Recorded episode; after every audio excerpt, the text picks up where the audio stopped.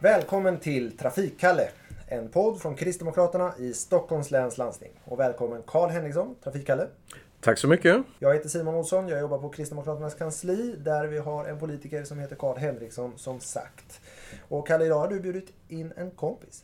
Ja, precis. Idag har jag med mig min eh, gode vän och partikamrat Fredrik Wallén. Välkommen som... Fredrik!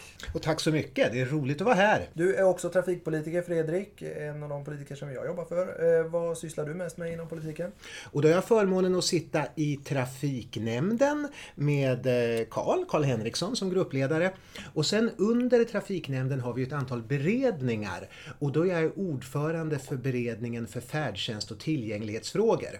Just det. Vi kanske får, får anledning att återkomma till det här med liksom färdtjänst och tillgänglighet och sånt. Men idag så kanske vi ska ha lite mer fokus på det som du jobbar med om dagarna. Eh, vad är det för någonting? För du är fritidspolitiker, du har ett annat jobb. Ja, jo, så att eh, mitt vanliga hederliga jobb det är att jag är polis. Jag är just nu sedan några månader i funktionen kommunpolis. Och kommunpolis i vår nya polisorganisation innebär att man är ansvarig för samverkansarbetet och det brottsförebyggande arbetet inom ett, en kommun eller ett kommundelsområde. Just jag har hand om eh, samverkansarbetet i stadsdelsförvaltningsområdet Östermalm i Stockholms stad och i Lidingö stad. Okej, men du har jobbat med det nationella perspektivet tidigare inom polisen? Ja, oh ja. Eh, man kan säga att eh, fram till dess att jag klev på mitt eh, nuvarande då, uppdrag som ligger väldigt nära det vi kallar kärnverksamheten. Alltså jag är ganska mycket ute och nöter asfalt faktiskt. Dels för att jag ska på olika samverkansmöten men sen behöver jag hålla mig uppdaterad så jag jobbar något pass i veckan i yttre tjänst. Men innan dess har jag i fem år jobbat med kommunikation. Eh, senaste perioden så var jag i, eh, i nationellt kommunikationsarbete. Jag jobbade på vårt nationella mediacenter. Här kan vi ju se att när det gäller trafiken så har ju verkligen trygghetsfrågorna kommit i fokus. Det har varit oerhört mycket diskussioner de senaste åren kring hur, hur vi ska utveckla trafiken. Och, och där är ju frågan, vad är det egentligen som gör att människor känner sig otrygga ibland i trafiken? Ja, om vi tittar på kollektivtrafiken så kan man ju lite försiktigt säga att de stora otrygghetsfaktorerna faktiskt inom Stockholms läns kollektivtrafik det är inte nödvändigtvis på bussen och än mindre på pendeltåget eller på tunnelbanetåget utan det är faktiskt i närheten av stationen mm. och till och från stationerna. Där upplever man en otrygghet och ibland är den, eh, är den befogad för att eh, bevakningen, inte minst kameraövervakningen i stora delar av vårt eh, kollektiva trafiknät är ganska rigorös och det är en ganska, ganska hög trygghet. Framförallt vad det handlar om att bli fysiskt angripen med våld. En tydlig brottsproblematik även inne i kollektivtrafiken, i alla fall på tågen, kan i vissa Eh, sammanhang vara fickstölder.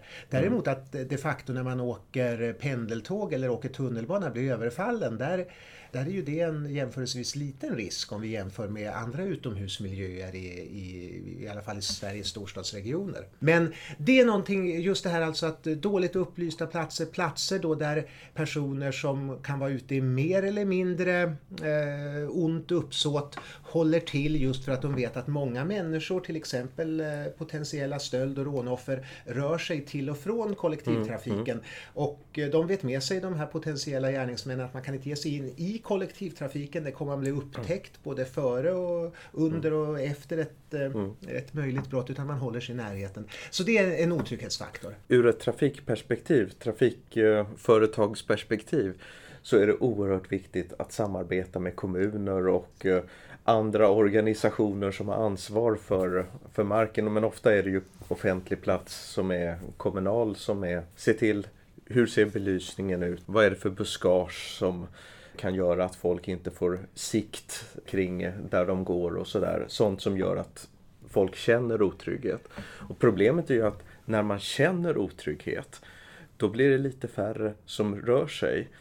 Och då blir folk i verkligheten mer otrygga. För, för att så länge det är mycket människor då blir det inte så mycket brott egentligen. utan Ja, nej men precis så. Eh, otrygghet eller upplevd otrygghet har en tendens att generera ytterligare upplevd otrygghet och så. Då ska man ju ja, så resolut man kan bryta mm. eh, sådana trender.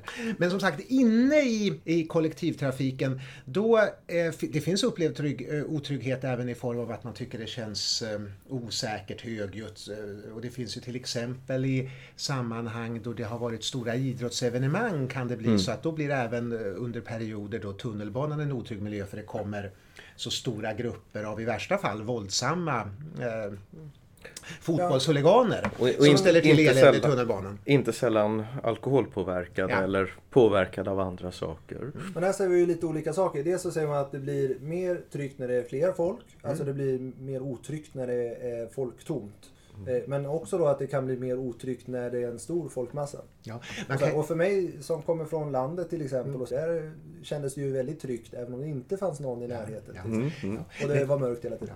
Nej, eh, förhoppningen är ju när man pratar om att mycket folk i rörelse skapar eh, trygghet, då är det ju mycket folk i rörelse med en bra mix. Alltså helst nyktra personer, människor i olika ålder, yngre, gamla, familjer med sina barn och så. Men när det kommer då sådana här o, eh, onyktra grupper av vanligtvis då tämligen högljudda och i värsta fall även i nyktert tillstånd våldsbenägna män, då blir det en otrygghetsfaktor.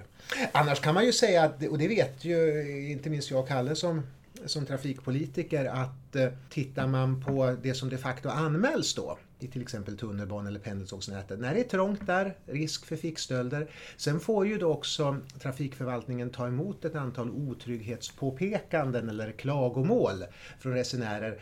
Och eh, det klagomål som just nu överskuggar allting annat har jag fått förklarat för mig. Det är ju klagomål på vad man upplever som framfusiga och störande tiggare. Mm. Mm. De grejerna du pratar om nu, gäller det Stockholm specifikt eller är det något man kan se över hela landet? Och... Ja, jag vet att Stockholm, och det, där är ju lite grann det här att eh, det är lite storlekens ok i Stockholm för vi har ju den absolut största kollektivtrafiken. Däremot så är det säkert tämligen eh, likartat i till exempel Västra Götaland, Göteborg och även i Skåne. Men det här stora tunnelbanenätet till att börja med finns ju ingen mm. annanstans i Sverige, pendeltågsnätet. Så man kan säga att kollektivtrafiksproblematik när det gäller eh, ordning, säkerhet och trygghet. Det finns säkert eh, likheter mellan framförallt Stockholm, då, Göteborg och Malmö. Men Stockholm är outstanding i kraft av vår storlek och i kraft av att vi har en tunnelbana. Mm. Vad är det folk upplever som otryggt med tiggarna?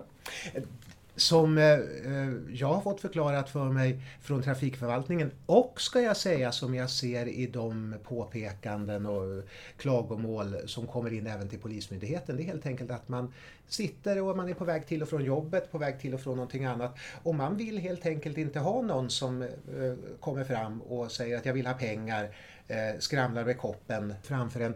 Och i en del fall så beskriver ju i alla fall den som hör av sig till oss att det här är, det är inte bara det att man håller fram det utan man verkligen man tjatar på mig att mm. jag ska ge mm. pengar. Och när jag sitter på tunnelbanan, jag vill kunna välja själv vilka jag pratar med och så. Jag vill inte att någon mellan stationerna ska stå och kräva mig på pengar. Vad, vad kan man göra åt det då? Man har ju diskuterat i politiska sammanhang, förbud till exempel. Och så där. Att påträngande tigga pengar av någon i kollektivtrafiken, det är ju inte tillåtet enligt de regler som finns idag. Frågan är väl snarare då vad kan man göra för att stävja det? Vad, vad kan man göra för att se till att, att det inte förekommer? Och jag, jag kan ju konstatera att det är ju ganska ofta när jag åker in till stan som, som jag träffar på tiggare på pendeltågen. Det är ju någonting som hela tiden finns där som, som en del av trafiken idag. Mm. På ett helt annat sätt än när jag växte upp. Då förekom ju inte det här egentligen. Och det fastän de allra flesta som jag möter av tiggare. De är ju inte de här som kommer från utlandet utan det är ju vanliga svenskar som uh, av olika skäl tycker att det här är en framkomlig väg. Nej, och det får man nog säga att även om just utifrån ett trygghets och säkerhetsperspektiv Eh, Eh, det finns säkert saker att att säga, skruva och muttra på inom kollektivtrafiken men annars är det väl så att, att människor befinner sig i en livssituation där man känner sig tvingad att tigga oavsett om man kommer från något annat EU-land eller man är hemma i Sverige. Det är ju en samhällsproblematik som diskuteras väldigt mycket nu. Det är nog någonting där man, eh, inte minst vi från Kristdemokraterna, ska vara en god kraft i att hitta olika former av åtgärder. Men när det inte finns någon quick fix på det här. Det här är en, eh, det här är en svår utmaning för samhället under sannolikt en ganska lång period. Nu. Men om det inte är tillåtet, då är ju inte tanken att det ska förekomma där, eller hur? Mm. Nej. Mm. Mm. Och, och, det är säkert därför som Kristoffer Tamsons, vårt trafiklandstingsråd, gärna pratar om tunnelbanepolis. Ja, jag tänkte precis ja. fråga om tunnelbanepolis. Ja. Det finns ett politiskt förslag om mm. det till exempel. Eller, eller fler poliser i allmänhet som mm. kristdemokrater också mm. tycker. Till ja. Eller, ja, precis. Hur, hur, ser man till att eh, reglerna och lagarna efterlevs? Ja, ja till, till att börja med ska jag säga att det värmer ju ett eh, kristdemokratiskt fritidspolitiskt statstjänstemannahjärta just det att vi pratar om fler poliser. För polisen behöver naturligtvis förstärkas på, på många olika sätt sätt. Tunnelbanepolis. När jag blev en ung polis, så, eller när jag var en ung polis på 90-talet så hade vi en särskild... Jag är en ung polis. Man, man, är, man är ung och oförstörd så länge man upplever det så själv. Tack Simon. eh, jo, när det, då fanns det ju en eh, tunnelbaneavdelning, alltså en tunnelbanepolis. Eh, det var dock en annan tid på 90-talet. Eh, vi hade till exempel inte alls kameraövervakning mm. och ordningsvaktsbevakning och så i, i tunnelbanan. Så vad jag vet med mig nu, det är att vi jobbar väldigt mycket på att få en fungerande samverkan, en fungerande synlighet, en fungerande närvaro i tunnelbanesystemet. Vi har ju en, en särskild sektion som jobbar just med, med tunnelbanan men den är inte alls eh, dimensionerad på det sättet att de liksom alltid är ute och patrullerar och mm, sådär. Mm. För man får komma ihåg att eh, den egna säkerhetsorganisationen som ju faktiskt är förordnad av polisen i ganska stor utsträckning i, mm. Eh, inom kollektivtrafiken. Det är ju förordnade ordningsvakter som står för en del av bevakningen. Det är ju någonting som egentligen redan jobbar direkt eh, tillsammans med polisen.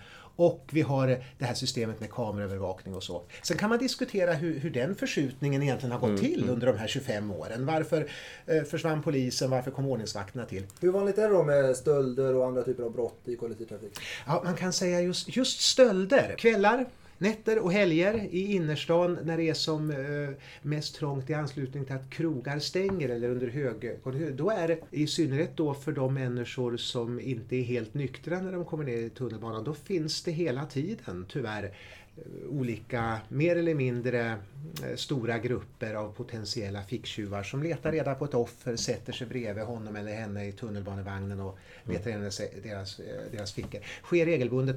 Samverkar vi rätt med varandra så är det faktiskt så att varje kväll som vi ger oss ut och gör en sån här insats, då grips det. Ja, nu, nu är ju ficktjuvar kanske det man det är troligast att man råkar ut för som kollektivtrafikant. Men jag tror att det som många är mest oroliga över det är någonting helt annat och väldigt mycket större, nämligen terrordåd. Och, och, och, vi har ju sett några terrordåd om vi tittar ut över Europa och resten av världen också som, som har varit fokuserade just på kollektivtrafiken. Vi kan ta eh, det som har hänt i Bryssel och Paris. Vi kan, vi kan ta det som hänt i ja, det här gasdådet mm. i Japan. Mm. Det var ju många vi, år sedan nu. Vi kunde ha fått ett sånt terrordåd i Stockholm också med, med han självmordsbombaren mm. som rent tursamt, eller hur man nu ska mm. uttrycka det, mm. inte lyckades ja. Eh, komma ner i tunnelbanan som mm. tydligen var planen. Ja, jo, nej, för det, det, är ju i alla fall en, så vitt jag vet, tämligen underbyggd hypotes att det var en tanke med, med Bryggargatan-dådet, så att säga. Och där är ju någonting i anslutning till de terrorhot som vi hade lite mer specificerat mot Sverige under framförallt 2015. Så det var, det var när jag jobbade med kommunikation, så då tittade vi väldigt mycket på det. Både hur det här hur man från Polismyndighetens sida kommunicerar mot, eh, mot medborgarna vad man ska tänka på, hur, hur läget ser ut och sådär. Men det här är ju ett stort orosmoment och eh, det är naturligtvis så att ser vi internationellt så är det ju så att terrorister ser ju, jag menar de, de vill inte sällan slå till på platser där det finns väldigt mycket mm. folk, väldigt mycket olika slags folk mm. och då, jag menar kollektivtrafik i olika rusningstider. Så det där är, det är en, ständigt, eh, en ständigt gnagande oro mm. tror jag hos alla som är poliser, alla som jobbar med säkerhet i kollektivtrafik mm. och alla som tänker efter överhuvudtaget. Ska vi säga någonting kring det här så är det ju just att det, det jobbas mycket mer. Polisen har ett, ett särskilt sätt att tänka och förhålla sig mm. till både hantering av tips som kommer in och, eh, och olika tendenser som rapporteras in. Det är naturligtvis en del av eh, kameraövervakningsarbetet för trygghet och säkerhet i just tunnelbana och övriga kollektivtrafiknät. Att man sitter och tittar på det där sånt, alltså beter sig folk på ett sätt som de håller på att förbereda någonting. Å andra sidan har vi ju sett sådana här dåd i till exempel tunnelbanan i, i Storbritannien som vi har haft en enormt minutiöst eh, utformad kameraövervakning i många, mm. många år. Mm. Den var ju för övrigt väldigt avgörande för att bringa klarhet i vad som hade skett i efterhand men, men inte ens där kunde det ju helt förebyggas. Om, om, vi tar och tittar på England så i London där har man ju tagit bort soptunnor. Mm. Och det, det, är ju inte på grund av det nuvarande terrorhotet utan mm. det är ju på grund av IRA och mm. de bombdåd som de gjorde. Och det var ju decennier sedan. Men, men ändå lyckas man inte stoppa. Risken finns ändå att det här ska kunna inträffa. Ja. Ett, ett lite obehagligt och cyniskt men samtidigt väldigt klockrent citat Eh, från flera säkerhetsexperter är ju det här att det är det som gör terrorism så svårt att mm. bekämpa. Att eh, alla vi som jobbar mot terrorism, oavsett i vilken roll man gör det, vi måste lyckas varje gång med mm. det vi gör. Terroristen behöver bara lyckas en gång med mm. det som han, mm. han för, vill företa sig. Men det är frågan just för att man aldrig kanske kan ändå skydda sig helt och hållet mot mm. ett terrorbrott. Om någon verkligen vill så kanske det går att lyckas och sådär. Vi har sett färska exempel på där man kan köra in en lastbil på ett torg ändå mm. och så även utanför mm. liksom, kollektivtrafiken. Det är ju fortfarande trafik. Men, mm. men eh, då ökar vi övervakningen mm. och, och, så. Det, det, är ju ett pris man betalar mm. där också lite grann i kollektivtrafiken i sin integritet och sådana saker. Om man ändå inte kan skydda sig, så här, hur långt ska man gå i de här inskränkningarna i privatlivet och så här? Ni känner ju mm. till den här diskussionen som finns. Ja, frågan i mig så tycker ju jag generellt att vi har långt kvar att gå innan vi gått för långt just i Sverige. När det handlar om kameraövervakning eh, så tillhör ju jag de som tycker att vi borde ha mer av det även ute på gator och torg. Eh, och då naturligtvis inom ramen för den svenska lagstiftningen så att man vet om, nu går jag in i ett kameraövervakat område, det finns en skylt och sådana där saker. Men, men personligen måste jag säga att det finns så att säga allt att vinna och inget att förlora på det och jag upplever att praktiskt taget alla människor jag möter i det dagliga samtalet. Med några undantag, men man skulle gärna vilja se mer av kameraövervakning. Samtidigt ska man komma ihåg då att kameraövervakning i stort, nu pratar vi om det absolut värsta som kan hända, ett terrorbrott, men man vill ju gärna använda kameraövervakning för att förebygga andra brott också, ja. veta, eh, ja, kunna utreda dem i efterhand. Där har det ju visat sig på de undersökningar som har gjort, gjorts att eh, planerad brottslighet och då planerad brottslighet som kanske inte är så destruktiv som terrorism, där kanske den som utför det helt och hållet struntar i vad som händer med honom eller henne. Men annan planerad brottslighet, rån och stölder och sånt där, där har kameraövervakning en förebyggande effekt. Den som planerar ett rån vill vanligtvis inte åka dit och undviker då ett, en miljö som är kameraövervakad för ett personrån. Däremot det som ofta lyfts, alltså att det ska förebygga våldsbrott, där är det ju så, det vet ju inte minst jag då som är kommunpolis i Sveriges krogtätaste område kring Stureplan. Så där sker det ju dessvärre en beskärd del av eh, våldsbrotten utomhus i Stockholm. Det är ju inte planerade våldsbrott utan det är ju människor mm. som druckit för mycket och sen kommer i bråk med varandra. Och där har det visat sig då att kameran hade inte så stor förebyggande effekt för det är ingen som har kalkylerat med det där. Däremot kan det ju underlätta utredningen efteråt. Yeah. Att verkligen kolla med vem var det som slog på vem och i vilket sammanhang. Sen kan man ju säga att kameror är ju en väldigt liten del i den totala bilden av vad vi sysslar med. Mm. Med, med, big data och all information som samlas in så tycker man att det är jobbigt med att det finns en och annan kamera i det offentliga så borde man kanske inte ha med sig en mobiltelefon heller. För, för att den ger så mycket information om, om vad man sysslar med. Google vet ändå mer om oss än vad polisen gör. Det, det, det, är min gissning. Det, är min gissning. Det, det, kan vara en ganska bra sammanfattning och det är väldigt insiktsfullt. Det är ju så mycket annat som samlas in. Vad kan man mer göra då för att öka tryggheten om man tänker en, en busskur ute på landet eller, eller en hiss till exempel till eh, tågstationen eller något sånt där?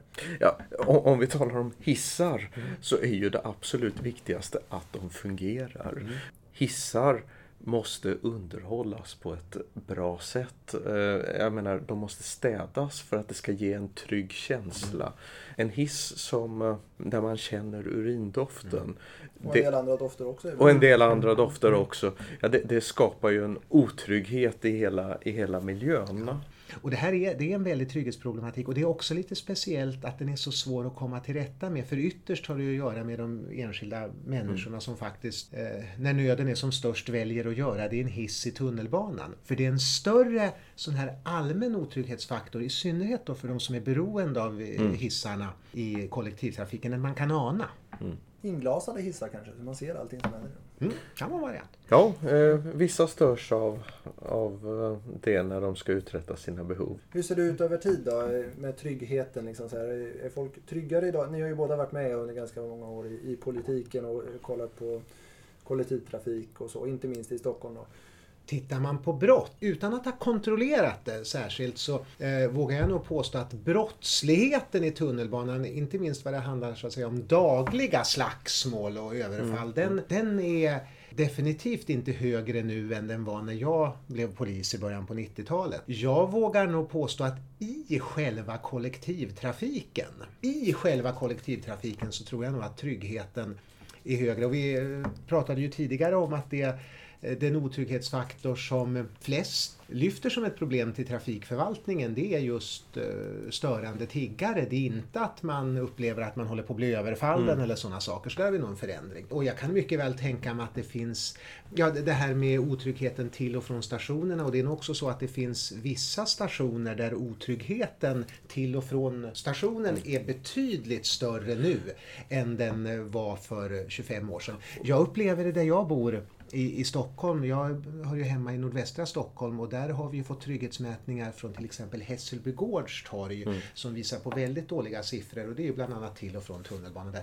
Så tror jag inte det var för 25 år sedan. Nej, och, och just det här att segregationen i Stockholm har ökat mm. och det är ju någonting som verkligen oroar. Mm. Även om det är bra för de allra flesta så kan ju inte vi vara nöjda med om man i vissa områden känner att här är det så fruktansvärt otryggt att här vågar jag inte vara.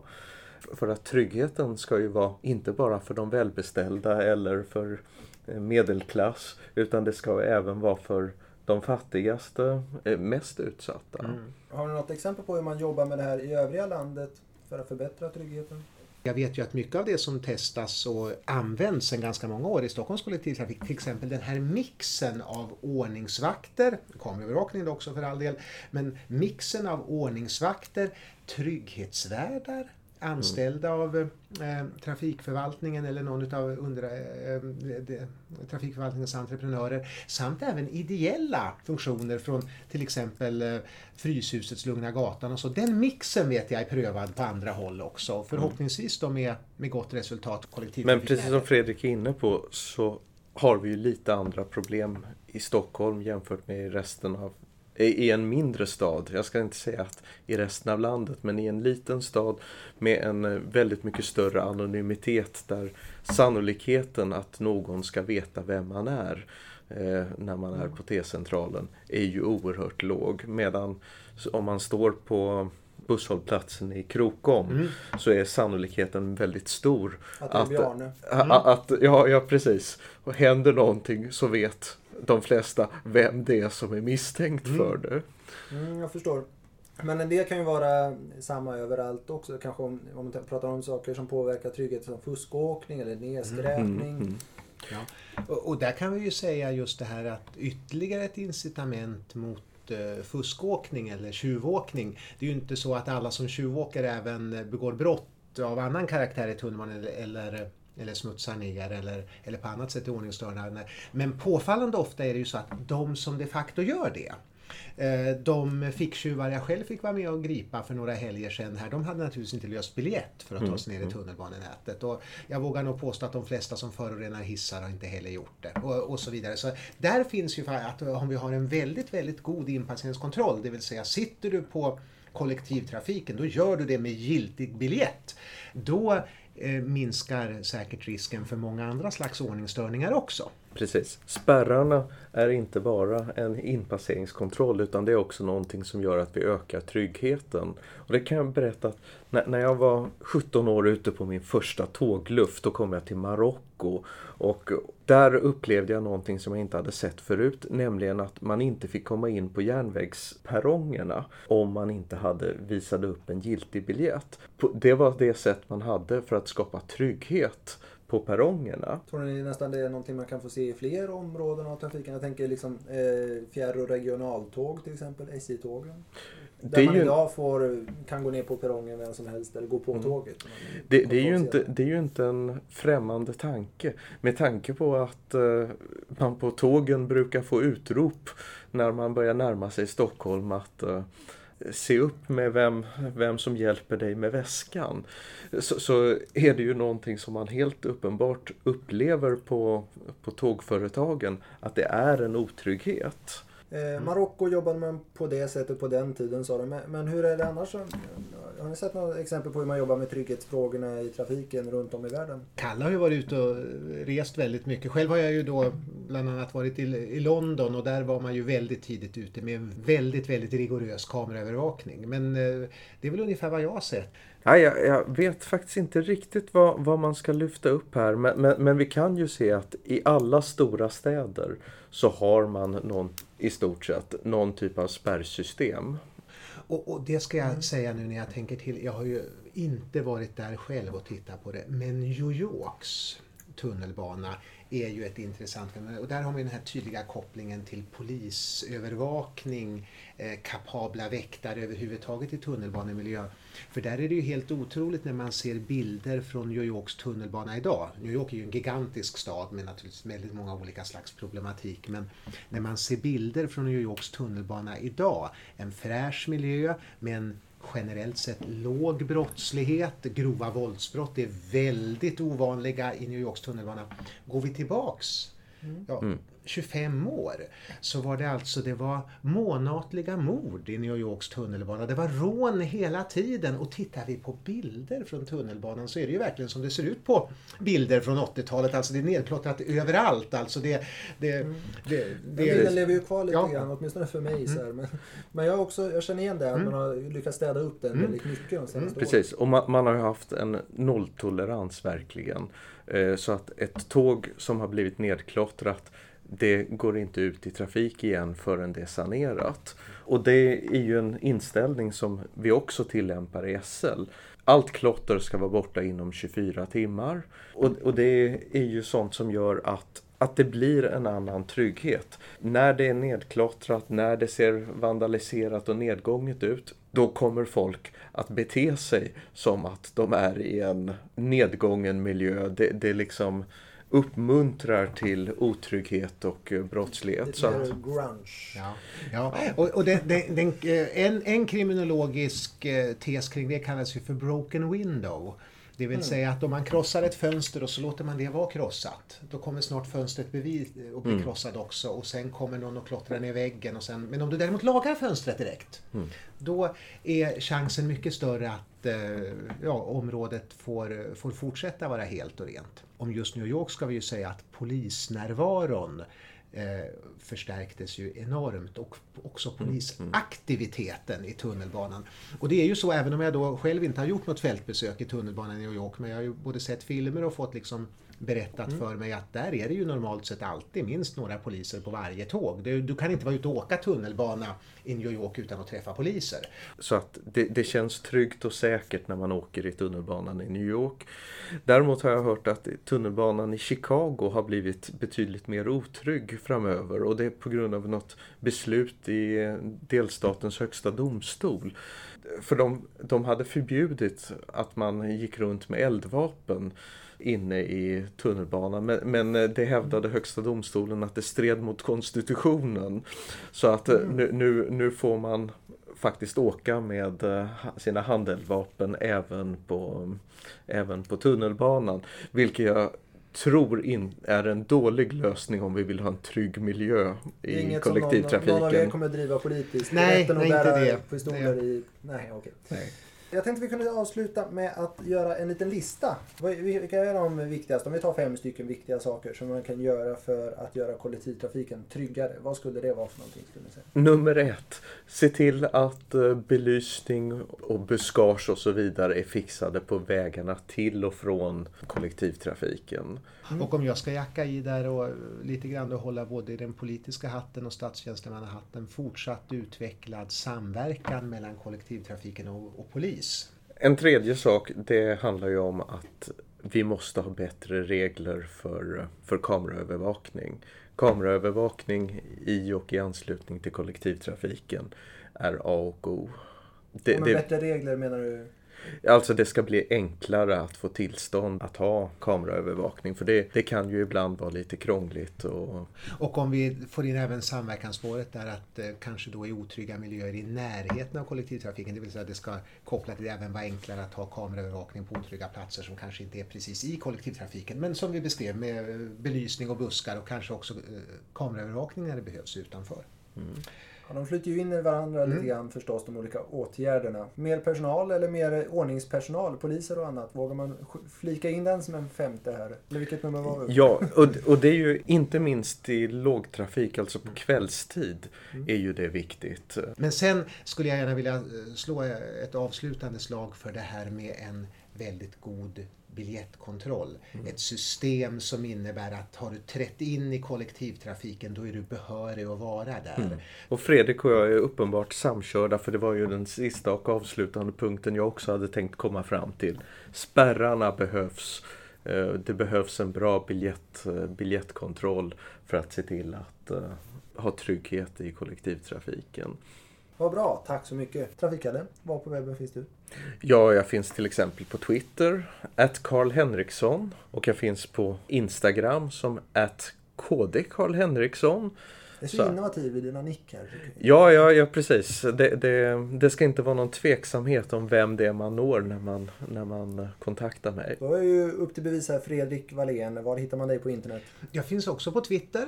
Söka på Fredrik Wallén. Jag är eh, väldigt tillmötesgående ifall någon politiskt intresserad söker mig på Facebook. Man kan mejla mig på fredrik.wallen, W-A-L-L-E-N, kristdemokraterna.se. Det låter bra. Tack så mycket för att du gästade oss idag Fredrik Tack så Wallén. mycket. Trafikkalle kommer tillbaka och eh, tills nästa gång så säger vi se upp för avståndet mellan vagn och plattform så att du är trygg i kollektivtrafiken. Kör försiktigt, håll till höger.